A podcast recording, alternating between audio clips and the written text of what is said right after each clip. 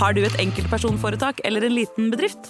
Da er du sikkert lei av å høre meg snakke om hvor enkelt det er å sende faktura med fiken. Så vi gir oss her, fordi vi liker enkelt. Fiken superenkelt regnskap. Prøv gratis på fiken.no.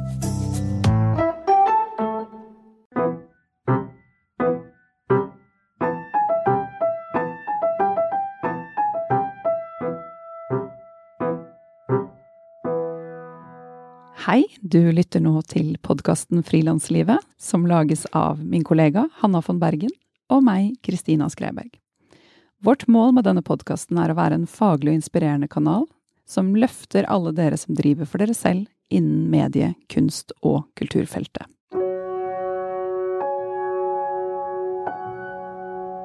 Ukens annonsør er regnskapsprogrammet Fiken.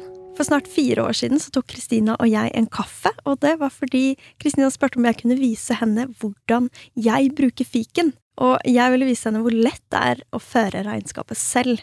Og den kaffen, det var faktisk det som var startskuddet til denne podkasten. Da brakte jeg nemlig ideen opp, og Kristina kicka på den her, og dermed ble frilanslivet født.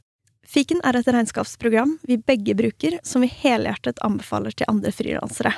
For akkurat som oss heier de på at små aktører skal lykkes. Vil du prøve fiken gratis i 30 dager? Gå inn på fiken.no. Denne episoden er for deg som er nysgjerrig på og vil lære om bokbransjen, og ikke minst er den for deg som lurer på om du vil gi ut bok selv på eget forlag.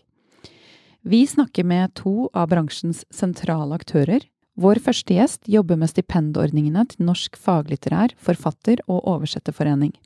Neste gjest i denne episoden jobber med Kulturrådets innkjøpsordninger for litteratur. For hvis du har skrevet en bok, kan du altså melde boken din på til innkjøpsordningen, og blir den innkjøpt, blir boken distribuert til alle landets biblioteker. Og du, hvis du ikke har hørt podkastepisoden med forfatter Guro Sibeko, som vi publiserte uken før denne, så gjør det. Guro har utgitt bøker på etablerte forlag, og også selv. Med henne snakker jeg om hva det innebærer, om arbeidet som ligger bak, hva du vinner ved å gi ut selv, og hva du, i gåseøyne, mister.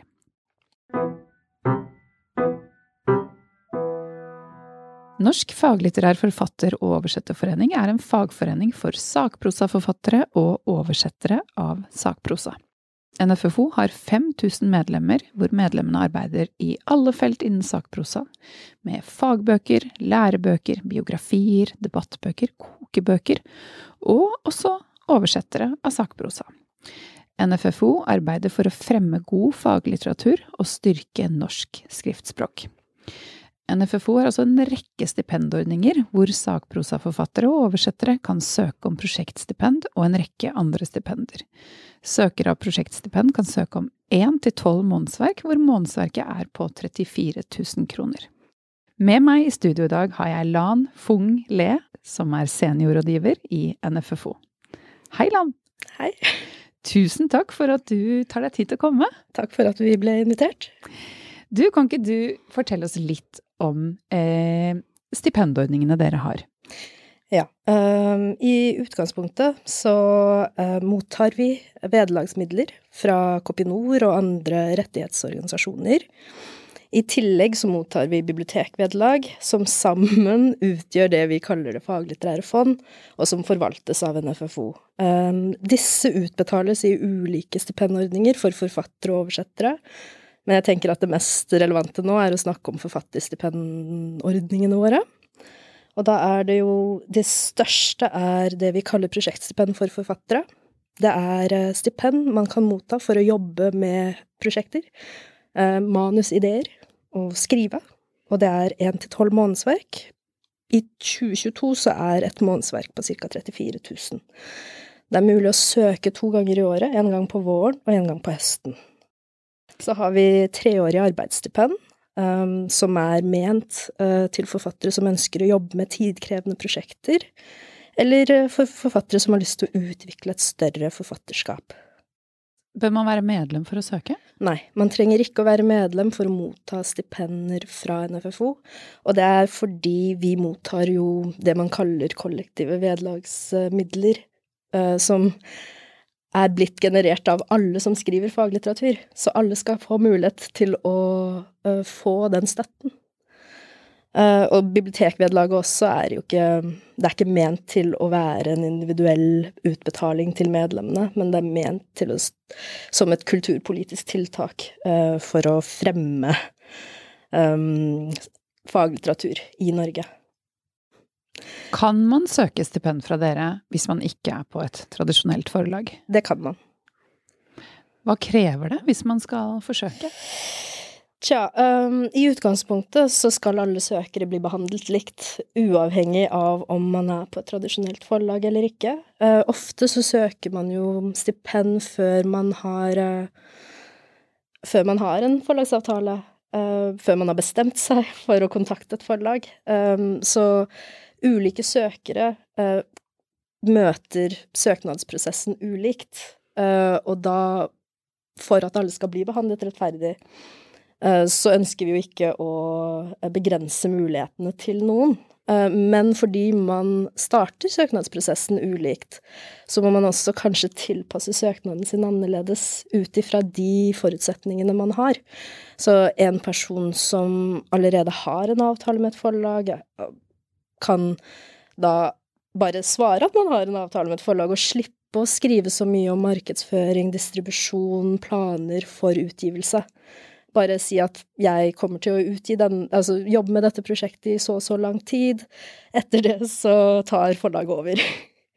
Mens en som velger å utgi på egen hånd, altså selvpublisering, må da kanskje bruke litt mer tid i søknaden til å skrive om distribuering, markedsføring, hvordan de har tenkt å forholde seg til um, design og layout, hvordan boka blir til, rett og slett, når man ikke har et forlag um, bak ryggen. Ja, de må dele kanskje litt mer av businessplanen, på en måte, altså strategien sin. Ja, uh, det, man møter jo den problemstillingen litt ulikt, da. Uh, for det, det finnes jo ulike um, modeller for selvpublisering. Um, noen har kanskje er allerede dreven på dette, har et eget forlag som de forholder seg til, og som de er eier av og har allerede en plan for dette, en businessmodell som du kaller det. Mens andre benytter seg av selvpubliseringsplattformer eller um, uh, egenbokforlagstjenester, hvor man kan kjøpe deler av dette, uh, mens man må stå for andre deler selv. Så det kommer veldig an på disse tingene, hvordan man skal um, strukturere søknaden. Uh, det, det, gjelder jo for de som ikke har forlag ennå også, at de må bruke tid i søknaden til å forklare.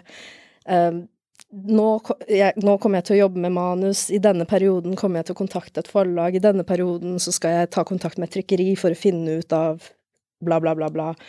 Så det er veldig mange måter å send, skrive en god søknad på, alt ettersom de forutsetningene man har for å, gi, for å planlegge å gi ut denne boka. Og alt dette her er jo egentlig eh, sekundært i forhold til hva boken skal handle om, og hvilken evne man har til å kunne skrive en god bok. Ja. Eh, men samtidig så viktig for at boka faktisk når ut til leserne. Vi skriver jo på nettsidene våre uh, at søknaden skal inneholde følgende Redegjør for prosjektets allmenne og faglige interesse, det vil si svar på hvorfor NFFO eller Det faglitterære fond burde gi dette prosjektet støtte. Og det, det er jo det viktigste. Men så kommer de andre punktene, som er forklar hva du ønsker å bruke stipendet til, og hvorfor stipendet er viktig for å kunne gjennomføre arbeidet. Og også beskriv hvordan du kommer til å jobbe for å realisere prosjektet. For en som skal gi ut øh, på egen hånd, så er jo punkt tre hvordan man skal jobbe for å realisere prosjektet. Det handler ikke bare om hvordan man skal jobbe med manus, men også hvordan man skal jobbe med alt det rundt bokprosjektet for å få det til å bli til en utgivelse. Og jo mer konkret man kan være, eh, jo mer overbevisende vil man være overfor stipendkomiteen. Og nå tenker kanskje noen som har tenkt å gi ut selv at Oi, så mye mer som kreves av meg som skal gi ut selv, enn en som gir ut på, et forlag. Men det er jo nettopp det, at velger du å gi ut selv, så krever, kreves det veldig mye mer av det enkeltmennesket eh, i eh, ja, det å tenke på alle disse tingene. Du tar eh, kontroll over den biten selv, fremfor at et forlag gjør det. Så det er jo også ganske nyttig, tenker jeg, å få en sånn strategi og plan ned på papiret. Mm. Hvis vi skal ta utgangspunkt i dette prosjektstipendet, hvor mange søker dette hvert år? Eller altså disse to gangene i året? Mm. Uh, nå har vi det jo sånn at uh, hvis man er flere forfattere på et prosjekt, så sender man inn en søknad. Så det vi har tall på, er hvor mange søknader det er hvert år. Eh, men en søknad kan ha én, eller de kan ha flere forfattere. Noen prosjekter kan ha opptil ni forfattere, for eksempel. Eh, så jeg sjekket statistikken på det, og i 2021 så hadde vi 1039 søknader. Gjennomsnittlig over en treårsperiode så hadde vi rundt 1200, altså 1200 søknader hvert år. Hvor mange av disse her får tilsagn? Ja, eh, over en treårsperiode så er det rundt 33,6% av søknadene som får stipend. Eh, og det tilsvarer rundt 400 hvis eh, gjennomsnittstallet er 1200 søknader. Og eh, Og hvor mange av de her er fra selvpubliserte forfattere? Har du noen tall på det?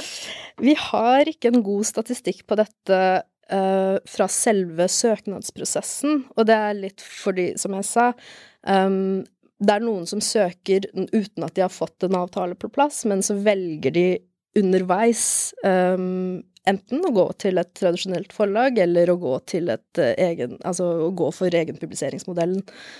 Det er litt vi, vi, vil på en måte gjøre det åpent nok til at de ikke trenger å bestemme seg allerede før de har uh, fått stipend. Uh, så sånn sett så har vi ikke en god um, statistikk på søkerne. Men det jeg har sett på, er um, de som har mottatt stipend mellom 2018 og 2021 og har fullført. Så det vil si de som er blitt ferdig med prosjektene sine i løpet av den perioden. Og av disse så er det roughly under 5% som har valgt å gi ut på eget forlag eller med en egen bokforlagsløsning. Oi, nå satte jeg og måpte litt. Jeg tenkte at tallet kanskje var høyere. Men husk også at det er veldig få som klarer å fullføre på så kort tid. Eh, fra 2018 til nå, så det vil si fire år. De fleste bruker litt lengre tid enn dette. Så man kan søke Altså man kan bruke lengre tid enn man kanskje søker om Mm. å bruke. Det kan man. Det kan drøye litt å lage bok. Det kan gjøre det. um, privatlivet kan dukke opp, eller uh, man jobber underveis, og ser man at prosjektet tar en retning som krever mye mer arbeid enn det man tenkte i utgangspunktet. Og da er det bare å melde ifra til oss. Og så prøver vi å tilrettelegge for dette, for vi skjønner at det å skrive bok, det tar ikke ett år. Uh, selv om vi gir ett til tolv månedsverk, så har vi forståelse for at dette er en langsom prosess, og en prosess som må mørnes litt. Ja, og mm, ingen, ingen kritikk av at månedsverket deres er på 34 000 kroner, for det er jo en fantastisk sum å få for å kunne frigjøre tid til å skrive bok, men det krever jo at man også kanskje har noen andre ting ved siden av. Ja. Ja. Det er jo ikke ment til å fullfinansiere prosjektet heller, så det er absolutt ikke Det kan ikke dekke Absolutt alt. alt, absolutt alt. Mm. Men eh, ser dere noen, en tendens til om det er flere eller flere som selvpubliserer? Vi har ikke noe tall på dette, men øh, vi får jo flere og flere henvendelser på dette, og så merker vi ofte at øh, av de som har mottatt stipend fra oss, da, øhm, at de er mer og mer åpen for det i den prosessen, spesielt hvis de ikke har hatt forlag. øhm, hvis de ikke har hatt en forlagsavtale på plass øh, da de fikk stipend, og har satt i gang prosessen med å kontakte forlag, og så ser de at men min profil passer ikke med profilen til det forlagene, de forlagene. Um, det, det virker ikke som dette er et prosjekt som bør publiseres gjennom tradisjonelle forlag. Det er jo en ting man oppdager underveis også. Eller at man jobber med et tradisjonelt forlag, og så oppdager man underveis at mm, men redaktøren vil ta dette prosjektet i en retning jeg ikke er komfortabel med, eller jeg mener blir feil. Uh, og da er det ofte at forfatteren begynner å lure på om det å gå egenpubliseringsveien kanskje er bedre. Ja, og det er jo ofte en av grunnene til at mange, eller flere kanskje, eller noen kanskje, velger å selvpublisere fordi man eh, har 100% kontroll over eget, egen bok. Hva tenker dere om disse endringene i bransjen? Mm, I utgangspunktet så anerkjenner vi forfatterens behov for å ha kontroll over sitt eget opphavsverk. Altså til sin egen litterære produksjon. Uh, og ofte har jo forfatteren kjennskap til både bransjen og markedet sitt, uh, slik at de selv vil være i stand til å uh, sørge for at denne boka får det publikummet den fortjener, uten å ha et forlag i ryggen. Og kanskje også den den konsulentbistanden den fortjener. Altså at mm. man kjenner, har et stort nettverk av f.eks. språkvasker og korrekturleser, og mm. kanskje en ekstern redaktør og omslagsdesigner og ja. For det er mye som skal på plass. Ja, så eget forlag uh, tenker vi Altså i utgangspunktet så gir det jo forfatteren mulighet til å ha en høyere inntekt av uh, boksalget. Um, samtidig så vil den økonomiske risikoen til forfatteren være mye høyere når de velger å gi ut um, på egen hånd. Det er ikke alle som har um, mulighet til å betale for alle disse kostnadene. Uh, alt fra trykking, design, ombrekking, distribusjon, uh, uh, konsulentarbeid Alt dette koster penger, og man, det er ikke alle forfattere som har den økonomiske tryggheten til å kunne gjøre det. Så sånn sett så ser vi jo fremdeles en verdi i den, um, det arbeidet forlagene gjør. Også fordi vi har fremforhandlet en normalkontrakt uh, med forlagene, uh, med Den norske forleggerforeningen, som er ment til å ivareta forfatternes rettigheter. Um, så vi ser at det finnes både fordeler og ulemper. Uh, men for stipendadministrasjonens del um, så ønsker vi å legge til rette uh, for at flere velger å gi ut på denne måten. Og da er det viktig for oss å sørge for at forfatterne har uh, kunnskap om hva som trenges for å kunne gi ut god norsk faglitteratur på måter som da ivaretar deres rettigheter. Um, at de sørger for at det er riktig alt med opphavsrett, og uh, at de bruker um, egenpubliseringskanaler og tilbydere som gjør en ordentlig jobb, da. Det er viktig for oss. Uh, og vi, med stipendene, så ønsker ikke vi å være en barriere for forfattere.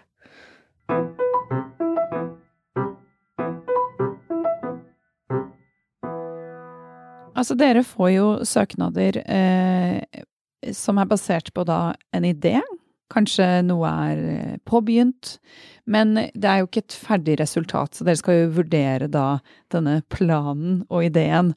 Og eh, hvordan vurderer dere disse søknadene da, nå tenker jeg på fra selvpubliserte forfattere, eh, i forhold til kvalitet? Altså hva tenker dere på?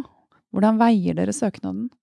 Ja, um da, i likhet med alle andre søknader, uh, også de som um, hvor man har en avtale med tradisjonelt forlag, så ligger eh, Så vurderer vi kvaliteten på søknaden ut ifra hvordan um, forfatteren har klart å formidle hvor viktig dette prosjektet er, og hvordan de klarer å gjennomføre dette prosjektet og sørge for at det blir en bokutgivelse.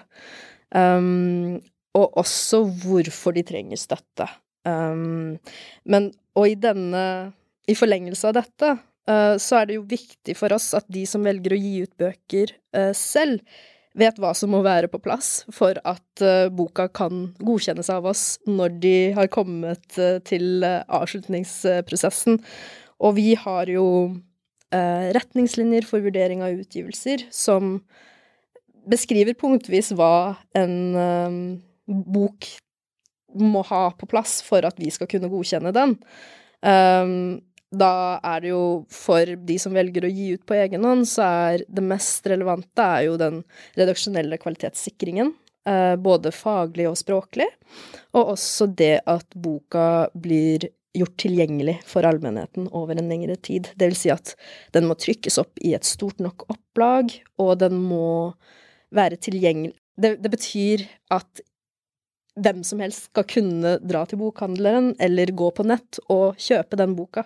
For den er så viktig og spennende at alle skal ha tilgang til den som ønsker den.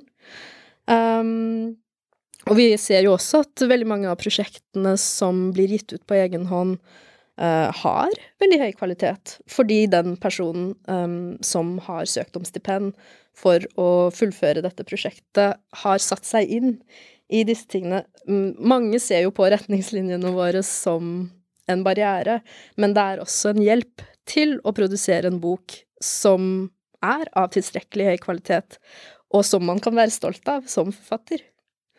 Um, og så vil jeg jo si at um, NFFO, altså stipendadministrasjonen, vi vurderer ikke kvaliteten på disse bøkene, men tenker jo absolutt at uh, det er viktig for forfatteren å ha en bevissthet rundt at alle elementene rundt en bokutgivelse vil være med på å styrke helhetsinntrykket av boka og gjøre den attraktiv for uh, leserpublikummet.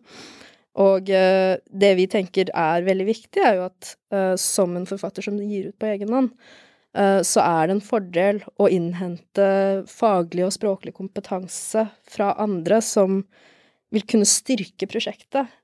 komme med perspektiver som du som forfatter kanskje ikke nødvendigvis hadde. Um, innspill og alt det som du kan ta med for å kunne gjøre prosjektet bedre enn det det hadde vært hvis du bare hadde skrevet det selv. Uten den um, redaksjonelle hjelpen, da. Så hvis man skriver at 'jeg skal gjøre alt', og det ikke nødvendigvis er noen andre som har lest manuset før man sender i trykken, så er ikke det så veldig Det er ikke helt uh, tenk, vinner, liksom. Nei, da tenker vi at å, men du kan jo gjøre dette så mye bedre. Slipp noen andre til. Ja. ja. Og det vil jo være sånn for de som gir ut på tradisjonelle forlag også. Um, man har hatt andre som leser manus, både kjente og ukjente. Uh, altså, forlaget har en redaksjon som er på plass, som leser gjennom manus, gir innspill, sender det videre til andre konsulenter som gir tilbakemelding. Så det å gi ut en bok, uh, det er ikke en veldig um, ensom prosess. Det å skrive en bok, det er veldig ensomt. Men det å gi ut den er et fellesprosjekt. Og mm, er man en person med kunstneriske ideer og, og, generelt ideer, så kan man jo lett bli litt sånn Jeg skal gjøre det på denne måten, og eh, la meg for all del slippe noen andres blikk og meninger på dette her, og så bare får jeg det ut i verden. Eh, fordi man mister jo en del kontroll når man slipper andre til. Og det er jo litt av det eh, som det innebærer å gå til et forlag. Mm. Men det å Ja, det har nok utrolig mye for seg å også eh, invitere inn disse blikkene eh, og fagkompetansen selv, om man velger å gjøre det selv. Ja.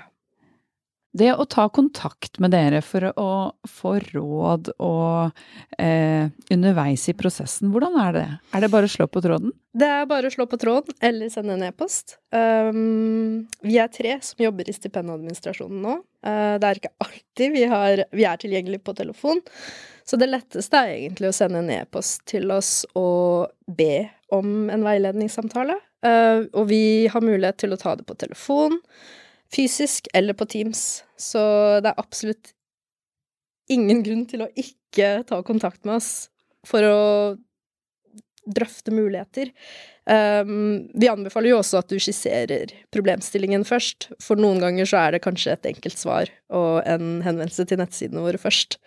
Uh, slik at når vi tar den samtalen, så vet vi at du forstår nok av våre krav og våre stipendordninger til at vi kan ha en god samtale eh, som begge kan få noe ut av, rett og slett.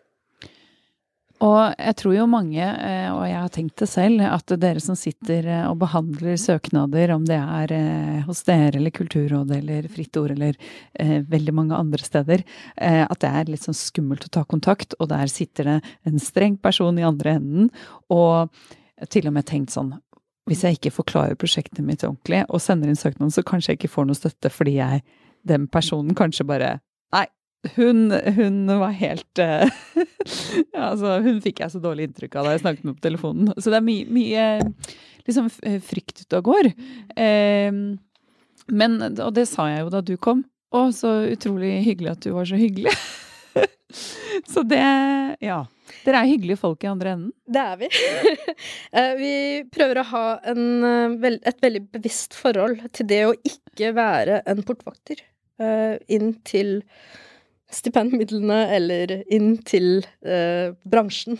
Eh, ofte så er kanskje vi den første folk møter på, på veien til å bli forfatter. Og da er det veldig viktig at vi er bevisst eh, det at vi ikke skal bremse opp for andres ambisjoner, men kanskje finne måter å gjøre den mer um... Gjøre det Ja. Altså, steget på veien litt tilgjengelig, eller? Ja. ja. Altså tilgjengeliggjøre bransjen litt, grann, da. Um, og da uh, handler jo det om å både være tilgjengelig som veiledere, uh, det handler om å gi informasjon på nettsidene våre som er enkel å forstå, kortfattet. Um, det handler om å utjevne forskjellene for alle som søker, uh, at alle skal bli behandlet likt, og også at vi tydeliggjør for alle søkerne at dere blir alle behandlet likt. Det handler også om å dra på ulike samlinger, være på stands, um, bare vise at vi også er mennesker, og ikke noen som strengt stempler avslag på søknader uten at vi ser gjennom dette. Um, og, så kom, og så er vi jo mennesker, og vi kommer inn i dette arbeidet med ulike forutsetninger. Eh, så da bruker vi mye tid på å sørge for at vi har den opplæringen som trengs eh, for å kunne behandle disse tingene likt, og også forstå når vi kanskje ikke er den riktige personen til å behandle en søknad også, eh, på grunnlag av habilitetsspørsmål og um, alt som har med det veldig sånn strengt forvaltningsmessig å gjøre.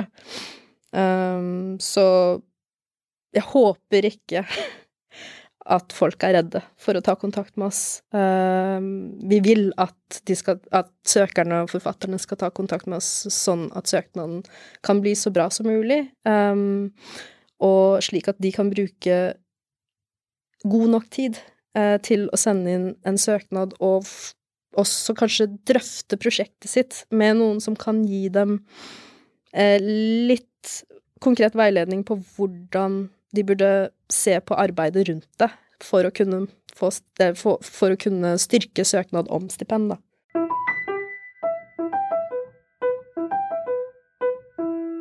Åpner selvpublisering opp for bøker som kanskje ellers ikke ville blitt realisert?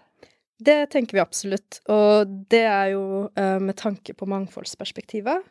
Um, det har jo vært kommentert gjennom flere år at uh, norske forleggeriet um, er ikke er i stand ofte til å vurdere litteratur som skiller seg ut fra det um, som man oftest gir ut. Og da ser vi at det å gi ut bøker på egen hånd um, ofte Ofte så har man prøvd det tradisjonelle forleggeriet, og de er ikke interessert. De ser ikke en markedsverdi i disse prosjektene.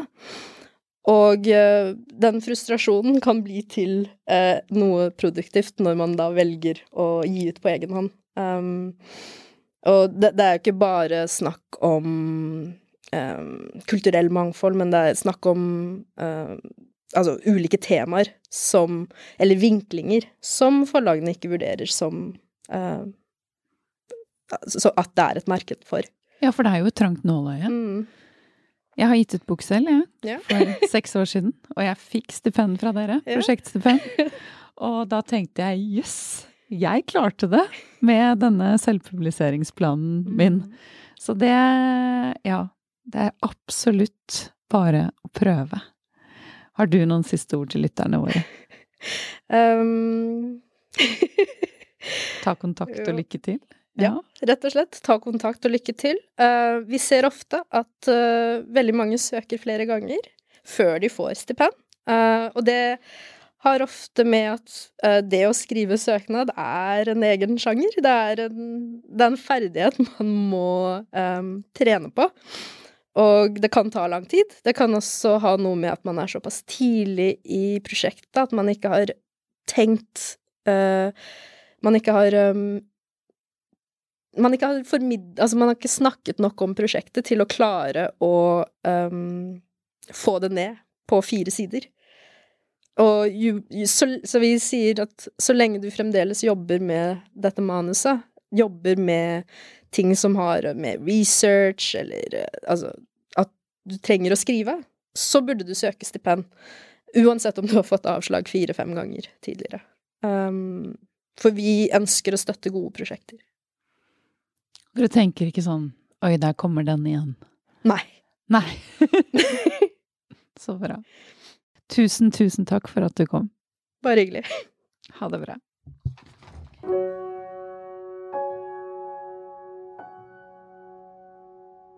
Ukens annonsør er banktjenesten Folio.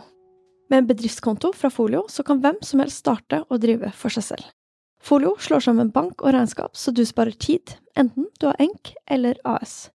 Med Folio så mottar du en push-notifikasjon på telefonen umiddelbart idet du har trukket kortet ditt, som så tar deg til kamera slik at du kan ta et bilde og deretter kaste kvitteringen.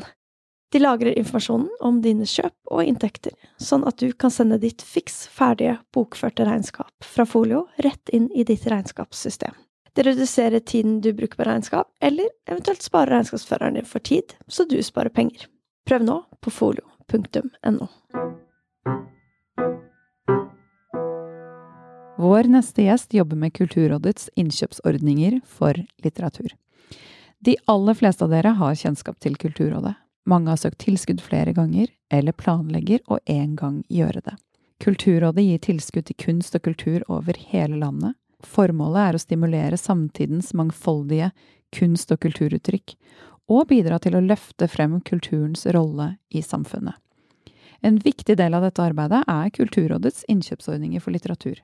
Kulturrådet administrerer åtte forskjellige innkjøpsordninger, og de innkjøpte titlene blir formidlet til biblioteker over hele landet. Disse bøkene kommer i tillegg til de titlene bibliotekene selv kjøper inn fra eget budsjett. Blir man innkjøpt, så betyr det at 623 trykte bøker og 150 e-bøker av boken din blir kjøpt inn til bibliotekene for totalt 241 500 kroner. Dette eksempelet er for skjønnlitteratur for voksne. Er du på forlag, går 89 000 kroner til deg som forfatter, mens 152 500 kroner går til forlaget. Gir du ut selv, hvor du er forfatteren som gir ut på eget firma, går hele potten til ditt firma, altså 241 500 kroner. Jeg er nysgjerrig på hva som skal til for å bli innkjøpt, og hva man skal tenke på hvis man søker med en selvpublisert bok. Er det mulig å komme gjennom nåløyet? Jeg lurer også på om boklandskapet har endret seg de siste årene. Er det flere som gir ut selv? Og hvordan påvirker det arbeidet til Kulturrådet? Med meg i studio har jeg Janniken von der Fehr. Janniken er fagansvarlig for litteratur i Kulturrådet. Hei, Janniken. Hei, hyggelig å være her. Tusen takk som tar deg tid til å komme. Hvorfor har vi en innkjøpsordning? Jeg har jo skjønt at det er ganske særegent i sånn verdensperspektiv?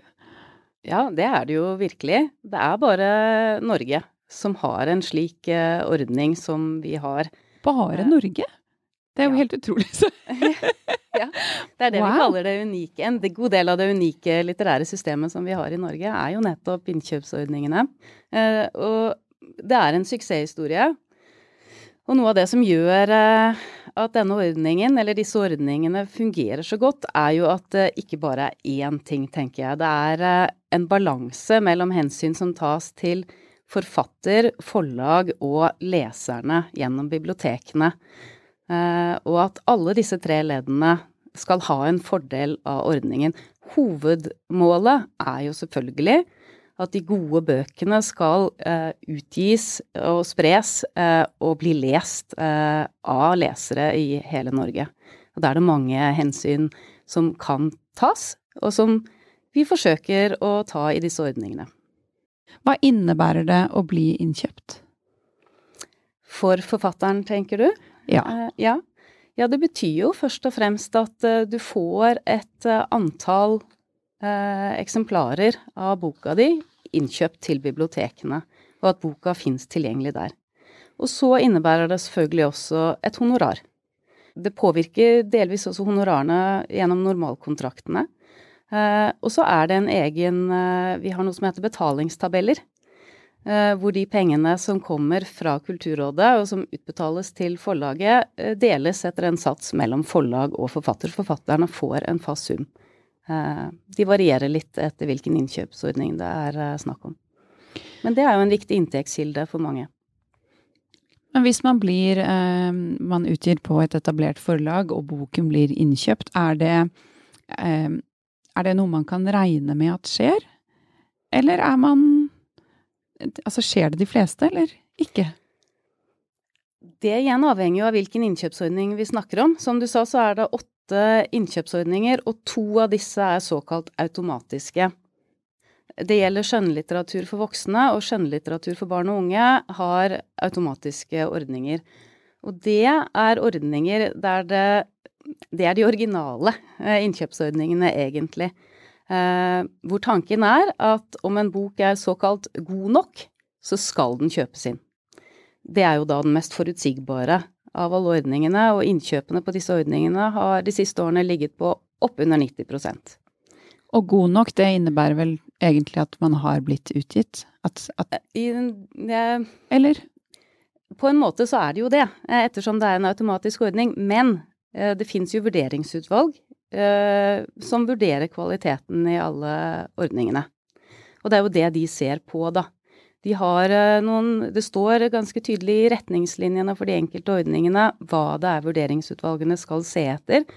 Og det er eksempel eh, om boka framstår som et helhetlig verk, og om det har gått gjennom en nødvendig redaksjonell prosess. Og hvis boka når et eh, såkalt minstemål for kvalitet, så blir den da innkjøpt. Så det er en ganske forutsigbar ordning. Så har vi flere andre ordninger, da seks andre ordninger, eh, som kun på en måte Som har budsjett, og som går på kvalitet. Slik at de automatiske ordningene, de underkjenner de dårligste bøkene, kan du si, og er helt uavhengig av budsjett. Eh, mens de selektive ordningene kjøper inn de beste bøkene og har et budsjett de må forholde seg til. Disse åtte innkjøpsordningene, kan ikke du eh, ja, fortelle hvilke de er? Ja, det kan jeg gjerne. Det er eh, to automatiske ordninger, som nevnt, eh, for skjønnlitteratur. En automatisk innkjøpsordning for ny norsk skjønnlitteratur for voksne, og en automatisk innkjøpsordning for ny norsk skjønnlitteratur for barn og unge. Og så er det seks selektive ordninger. En selektiv ordning for skjønnlitteratur for voksne og en selektiv for barn og unge. Så er det en uh, selektiv ordning for sakprosa for voksne og en for sakprosa for barn og unge. En innkjøpsordning for tegneserier og en for oversatt litteratur. Men hvis jeg gir ut eh, en bok på et eget forlag for første gang, eh, en roman. Er det da på den automatiske eller selektive jeg da søker på? Hvis det er første gang, så kan du melde på på den selektive ordningen, og det anbefaler vi jo. Eh, det er ganske nytt eh, at eh, den skjønnlitterære innkjøpsordningen ble delt i faktisk da fire forskjellige innkjøpsordninger. Og det var i stor grad fordi det jo har blitt vanligere for enkeltmannsforetak eller selvpublisister og mindre forlag å gi ut bøker. Ehm, og den automatiske innkjøpsordningen ehm, har mange fordeler. En av de viktigste fordelene med den automatiske ordningen er at det skal gå fort.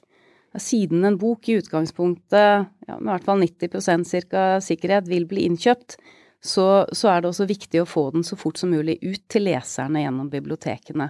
Så der eh, sendes de ferdige bøkene rett ut til bibliotekene, eller til Biblioteksentralen, som er vår distributør, så snart de kommer fra trykkeriet. Og det er før man vet om boka er innkjøpt eller ikke.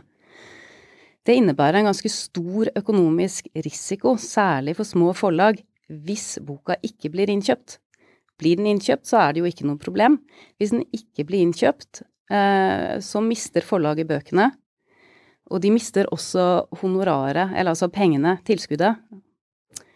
Både både egenandel og forfatterens andel, mens forfatteren beholder honoraret selv. Så det er dyrt. Eh, store, etablerte forlag skal kunne tåle noen avslag i løpet av et år.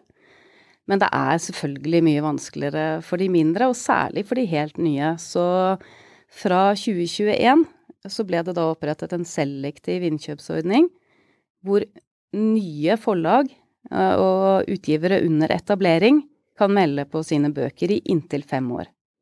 Da slipper de den økonomiske risikoen ved et eventuelt avslag. Og hvis man da har eh, opprettet et eget forlag og søkt på denne selektive ordningen noen år, i noen år, eller kanskje med noen bøker, altså når er det man kan begynne å søke på den automatiske?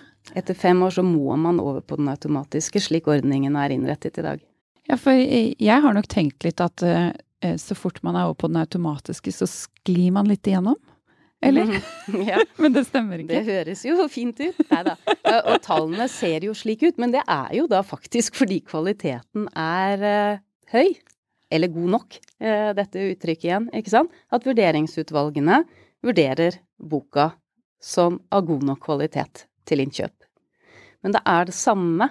Det er de samme vurderingsutvalgene, det er de samme kriteriene til kvalitet som gjelder for begge de to ordningene. Så forskjellen på ordningen er rett og slett at man med den selektive innkjøpsordningen, det, det er hoved, uh, en hovedgrunn i hvert fall, vil, vil uh, anerkjenne at uh, mindre aktører dårligere vil tåle den økonomiske byrden i et avslag, og å gi dem tid til å bygge nødvendig redaksjonell kompetanse.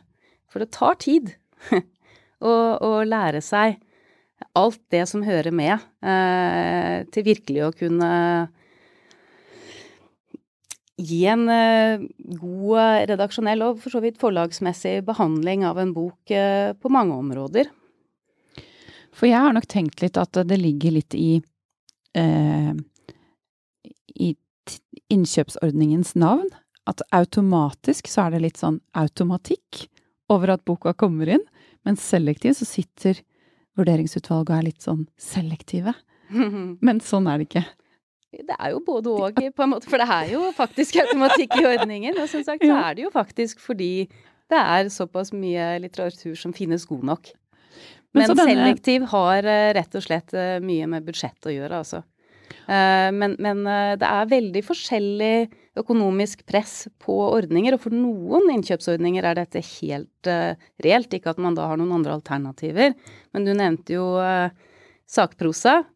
Uh, Nynorsk sakprosa for voksne har jo en avslagsprosent på 60% eller i overkant nå av 60 um, Og det er ikke fordi eh, kun 30% av bøkene er gode nok til å kjøpes inn. Absolutt ikke.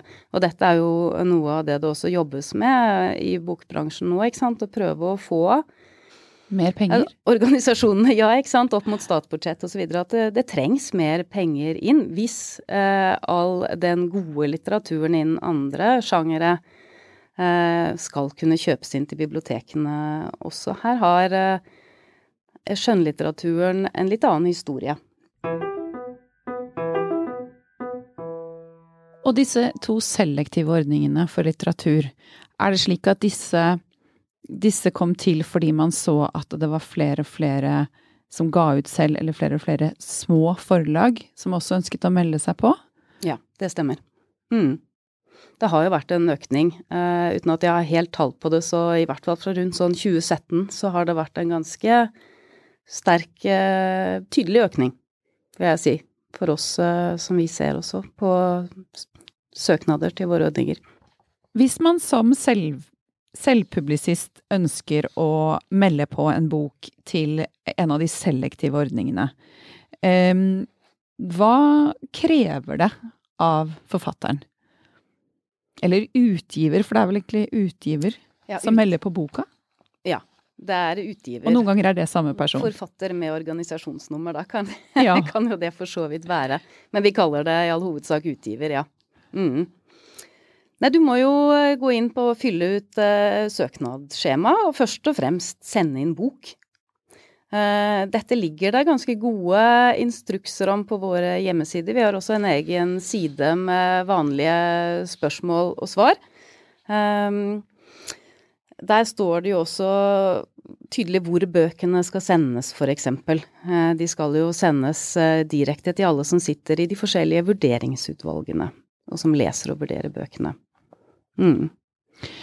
Og nå tenker jeg også litt på hva kreves det av boka? Altså har du noen råd for at en bok skal ha en sjanse?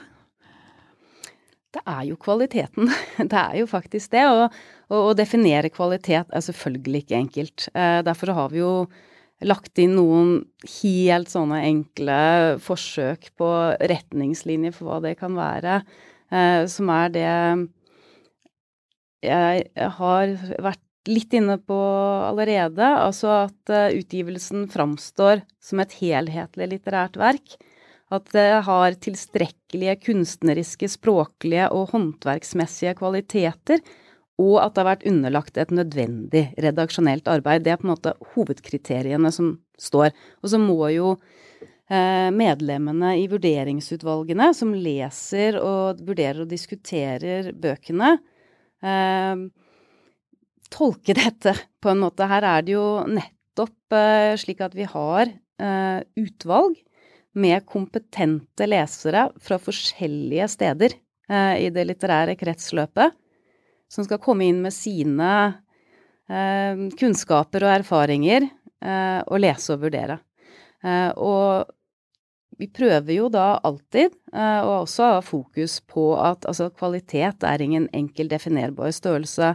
Det er avhengig av mye, det er ofte historisk betinget, og at uh, utvalgene også må være åpne for, og jeg vet de virkelig jobber med dette, være åpne for at kvalitet kan være mye forskjellig, og at det er noe som kan endre seg.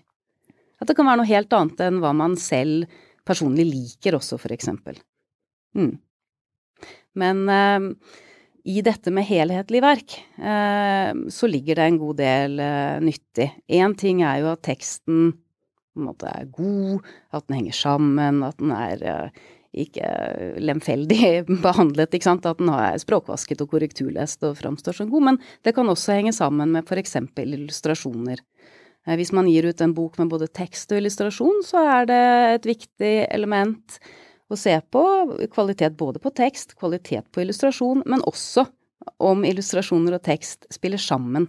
Tilfører de hverandre noe? Kommer det noe annet ut av at, eh, at begge er, med i en utgivelse, eksempel? Og det kan trekke ned, og det er noe som vurderingsutvalgene ofte påpeker, at en tekst eksempel kan være veldig god, eller illustrasjoner kan være gode, men hvis den andre delen av boka da ikke er god, så blir jo ikke utgivelsen et godt helhetlig verk.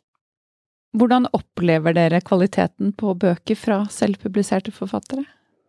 Det kan jo være veldig mye forskjellig, selvfølgelig, eh, vil jeg nesten si. Det er klart det fins en del virkelig gode bøker eh, som er selvpublisert. Eh, jeg vil si du finner hele spennet. Men eh, som jeg nevnte, vurderingsutvalgene, eh, som er de leserne som leser og vurderer alle bøkene, for det er det jo ikke vi i administrasjonen som gjør. Eh, de skriver eh, referater fra hvert møte. De skriver også en samlet rapport på slutten av hvert år, hvor de også trekker fram hva, Hvor de kan trekke fram punkter de er særlig opptatt av å få ut. Disse rapportene ligger også tilgjengelig på våre nettsider og kan leses av alle. De sier jo en del nettopp om kvaliteten i selvpubliserte utgivelser, og, og, savner ofte nettopp det redaksjonelle blikket.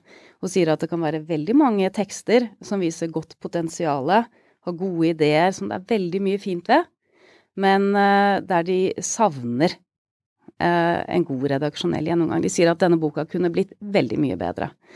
Uh, og det kan ofte være en grunn til at bøker avslås på ordningene. Og det er jo også eh, kan jo være litt trist på vegne av boka, som man da har jobbet veldig, veldig mye med, hvis det ikke når sitt potensial. Fordi Absolutt. man ikke har fått et annet blikk på boka si. Ja. Det er, eller har eh, kanskje vært, en oppfatning om at eh, selvpubliserte bøker ikke er av like høy kvalitet som bøker utgitt på eh, tradisjonelle forlag. Um, altså, er det, er det, fortsatt sånn, eller ser man en endring i at det, eh, det også kommer kvalitetsbøker eh, mer og mer? Altså, har selvpubliserte forfattere blitt mer bevisst på at det er viktig å dra inn ekstern kompetanse og skape kvalitetsprodukter? Det syns jeg det er litt vanskelig å svare på. For det første så fører jo ikke vi noe statistikk over hvem som er en selvpubliserende forfatter eller, eller slikt. Uh, men um, historisk sett uh, så vet jeg jo ikke. Det blir jo flere som publiserer selv og på mindre forlag. Uh, samtidig som det jo da også har kommet til ganske mange flere tjenester som Eller altså selskaper som, som kan tilby tjenester for å hjelpe folk som publiserer selv. Slik at disse tingene henger jo også på en måte sammen. mm. Og åpner selvpublisering opp for at bøker som ellers ikke ville blitt realisert, faktisk blir realisert? Altså, tenker du at det kanskje har kommet noe gull ut av denne voksende trenden, eller økende Ja. Ja, det er jo også et eh, Jeg håper jo det. Eh, veldig vanskelig å svare på, ikke sant. For eh, en bok som er selvpublisert, ville den kommet ut på et etablert forlag? Det er ikke sikkert eh, forfatteren engang har prøvd. det kan man jo ikke vite. Men det vi er opptatt av i Kulturrådet, er jo i hvert fall at, at, at hvis tilgangen til å søke, ikke sant, og, og, og skape og utgi er der, så vil det jo potensielt eh, være mulighet for mye større mangfold og bredde. Det kan være muligheter for noe helt nytt, ikke sant. For det er jo ikke gitt at et eh, system som forlagsbransjen er, fanger opp alt. Altså det vet man jo bare ikke. Ja, det er jo um, uavhengig av hva som blir resultatet, så er det jo en hvert fall demokratisering, eller liksom tilgjengeliggjøring av det å lage bøker, som med veldig mange andre kunstuttrykk i dag. Det er jo slik at eh, når flere kan skape og, og skrive og utgi, så kan det komme mye bra. Men, eh, men, fra Kulturrådet så kan man jo også se det slik at eh, det er jo heller ingen rett å bli innkjøpt, ikke sant. Så at muligheten er der, tenker jeg bare er fantastisk. Og så må man jo rett og slett se på kvaliteten på verket når det er ferdig. Da kommer det inn i systemet vårt og, og blir målt på kvalitet, og forhåpentligvis da kjøpt inn. Mm. Men dere sitter ikke der med andre briller på når dere ser at å, dette er Her er utgiver og forfatter samme person? det, er et, det, er et, spørsmål vi ofte får, eller en, en antagelse vi merker ofte ligger der i tilbakemeldinger eh, fra feltet. Eh, svaret er jo nei. Og dette diskuteres mye i vurderingsutvalgene også, fordi de merker jo veldig godt at dette er en, en, eh, en antagelse som ligger der. Det er jo ikke en ting det er lett å svare på, det heller. Eh, men det skal ikke spille inn. Eh, det er, eh, det er teksten selv. Og vurderingsutvalgene er jo også opptatt av å peke på at det er jo da i overkant av 10% av bøkene på den automatiske ordningen, nå snakker jeg skjønnlitteraturvoksne, som avslås. Og en god del av disse, eller en del av disse i hvert fall, er jo også fra etablerte forlag. Så etablerte forlag eh, får også avslag av, samme kvalitetsprioriteringer eh, og, vurderinger eh, som de fra selvpublisister. Ja, det er nok kanskje heller en frykt som ligger der hos de som gir ut selv. Ja. Og så er det jo selvfølgelig basert på, på tallmateriale, så man alltid Man tolker alltid ut fra tallmaterialet. Eh, og det er jo helt klart at avslagsprosenten eh, er mye høyere fra små eh, forlag og selvpublisister. Men igjen så er det det vurderingsutvalgene peker på, er eh, kvaliteten på verket og redaksjonell eh, behandling.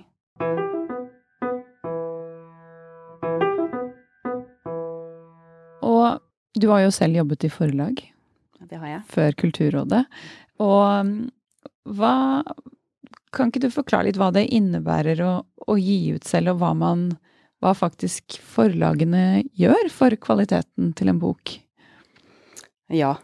Um, det er jo vanskelig å, som ny særlig, å være, ha oversikten over alt en bokutgivelse medfører. Um, og er man forfatter på et uh, forlag, uh, så er det jo mye man slipper å tenke på selv. Uh, det er jo mye av fordelen. Det alle vel er klar over, er jo arbeidet som gjøres eh, med redaktøren. Og, samarbeid med en god redaktør eh, kan jo gjøre mye for en tekst, også for forfatteren, vil jeg si, for du blir utfordret. Eh, du har en kvalifisert leser som kan peke på sider ved teksten som du da får mulighet til å, å rett og slett eh, jobbe videre med, og, og gjøre bedre. Eh, det er en veldig viktig del av arbeidet. Så er det jo også konsulenter inne, ofte. Eh, så du får flere blikk inn på arbeidet. Men så i tillegg så er det jo alle praktiske ting. At du har noen andre som ser på, på språkvasken, som ser på korrekturen i flere runder. Du har noen andre som brekker boka, altså får den til å se riktig ut på siden. Eh, som får den sendt til trykkeriet som får laget omslag, eh, tekst til boka, som tar seg av markedsføring og får bøkene ut i bokhandel, for man vil jo at bøkene skal nå leserne. Eh, det er mange, mange ledd eh, som eh, forlag med en viss erfaring jo har mange forskjellige folk som gjør. Og da kan du som forfatter konsentrere deg om å gjøre boka di så god som mulig. Ja, alt dette du nevner nå, det innebærer jo å sette seg inn i ekstremt mye eh, hvis man da velger å gi ut selv, som mm. forlagene har et, eh, et rigg for. Eh, og jeg vet hva jeg snakker om, for jeg har gitt ut en bok selv. Men når du nå nevner alt dette her, så er jeg en som tenker sånn ja, men alt det her er jo ganske spennende. Mm. Eh, så det kommer jo litt an på hva slags type man er. Om man er en som bare tenker ja, men jeg bretter opp ermene og jeg går i gang med å distribuere og markedsføre og selge og eh, lage meg et eh, bokband, som Guro Sibeko kalte det. Som er et veldig fint ord. At man trenger et, egentlig et helt eh, band rundt seg for å få laget en god bok. Ja, det var veldig fint. Ja. Så man eh, må huske på, tror jeg, at man ikke kan gjøre det helt alene, for det innebærer så mye. Så mm. kommer vel kanskje litt an på hva slags type man er. Det gjør det jo. Eh, det tenker jeg også er en viktig faktor. Eh, noen vil trives med å gjøre ting selv, og organisere dette bandet, da, eh, for eksempel. Mens andre helst vil slippe. Så, så, det tenker jeg jo også er viktig å tenke på, da. Hvis man står i en situasjon hvor man ønsker å velge. Og det er jo slik at det fins jo også en god del erfarne forfattere, f.eks., for som velger å, å, heller gi ut selv.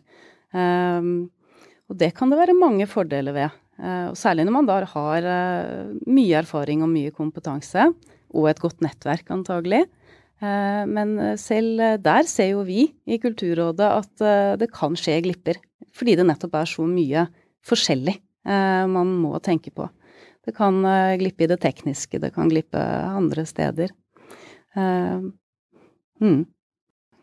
I Kulturrådet så er jo vi først og fremst veldig engasjert for at eh, mest mulig god litteratur skal nå ut til eh, leserne, og at forholdene for forfatterne og forfatternes økonomi skal være så god som mulig, og, og at forlagene kan få så forutsigbare og gode forhold for å kunne jobbe med bredde og kvalitet som mulig.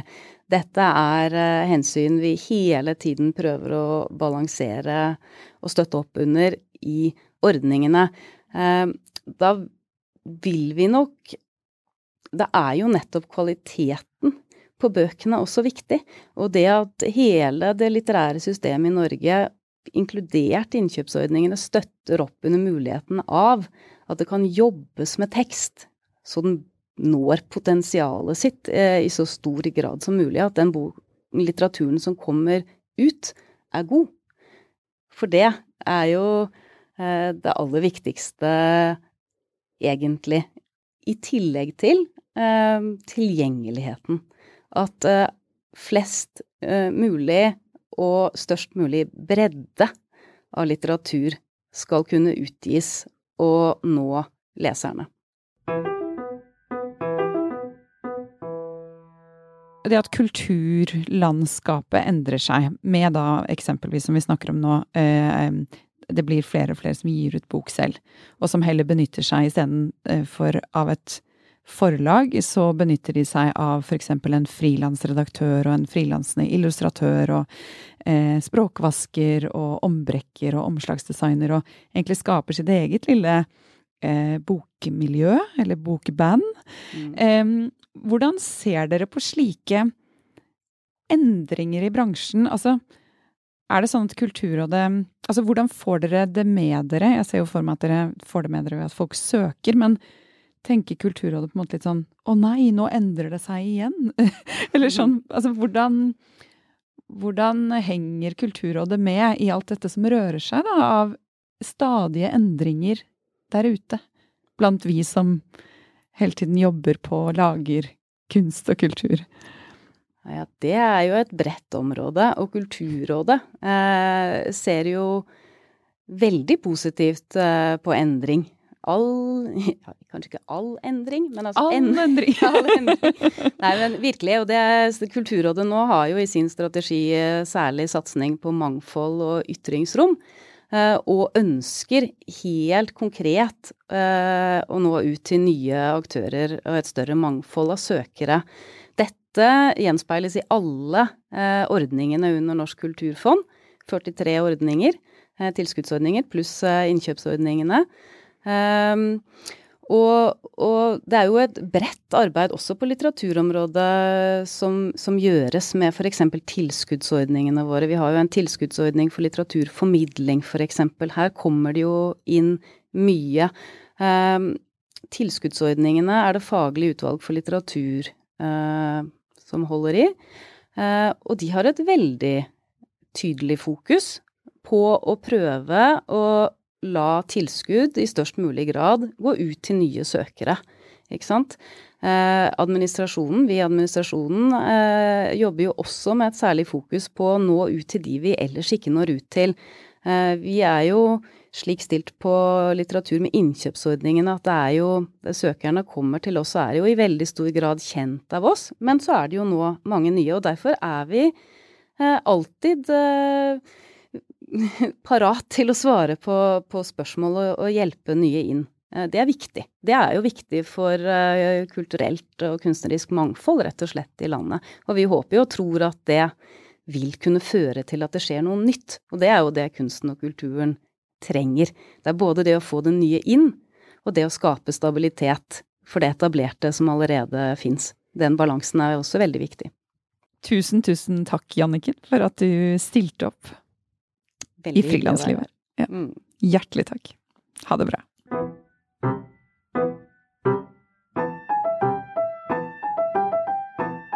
Tusen takk til Grafill for tilskudd til denne podkasten.